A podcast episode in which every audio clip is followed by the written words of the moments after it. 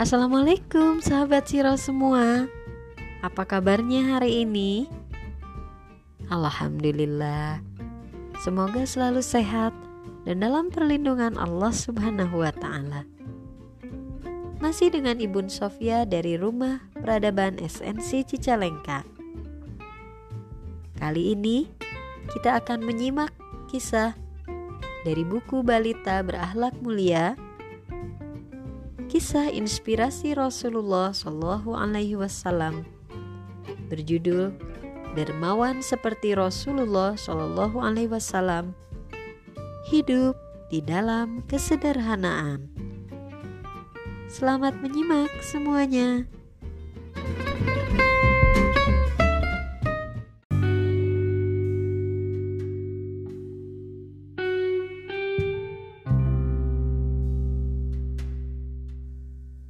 Hidup di dalam kesederhanaan. Setelah Islam dan perintah untuk menyebarkannya turun, kehidupan Rasulullah Shallallahu Alaihi Wasallam semakin bersahaja. Apalagi setelah beliau berhijrah ke Madinah. Beliau hidup penuh kesederhanaan Seluruh harta benda beliau ditinggalkan di Mekah. Selama di Madinah, beliau hidup sederhana. Bahkan sering kali beliau harus menahan lapar dengan mengganjalkan batu di perutnya. Sebagai seorang rasul, beliau juga tidak tega melihat umatnya hidup dalam kesusahan. Suatu hari, seseorang datang menemui Rasulullah Shallallahu Alaihi Wasallam. Orang ini berniat untuk meminta sedekah kepada beliau.